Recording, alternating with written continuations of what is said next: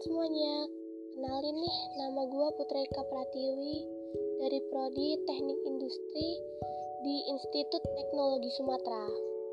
Gue lagi dapet tugas nih disuruh buat podcast tentang planning gue ke depannya bagaimana dan seperti apa. Tapi sebelum gue bahas tentang planning gue seperti apa, kalian semua udah pada tahu belum arti dari kata planning? Yups, planning artinya rencana. Ya, jadi rencana kita buat ke depannya seperti apa?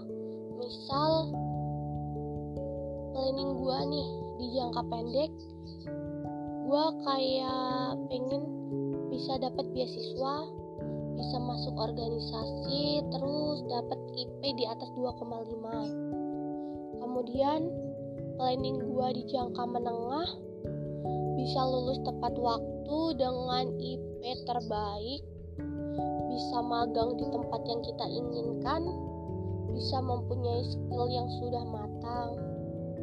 Ya, seperti itulah ya di jangka menengah. Terus berikutnya, planning gue di jangka panjang.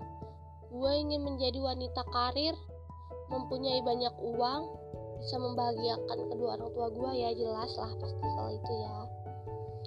Terus bisa diterima kerja di tempat impian, dan yang terakhir, pastinya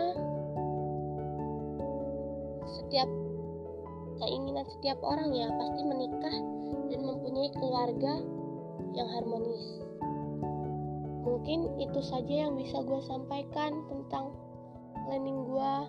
Terima kasih ya yang udah mau ngeluangin waktunya buat dengerin podcast gue dan mohon maklumin ya kalau agak gimana gitu podcastnya karena ini podcast pertama gue. See you next time.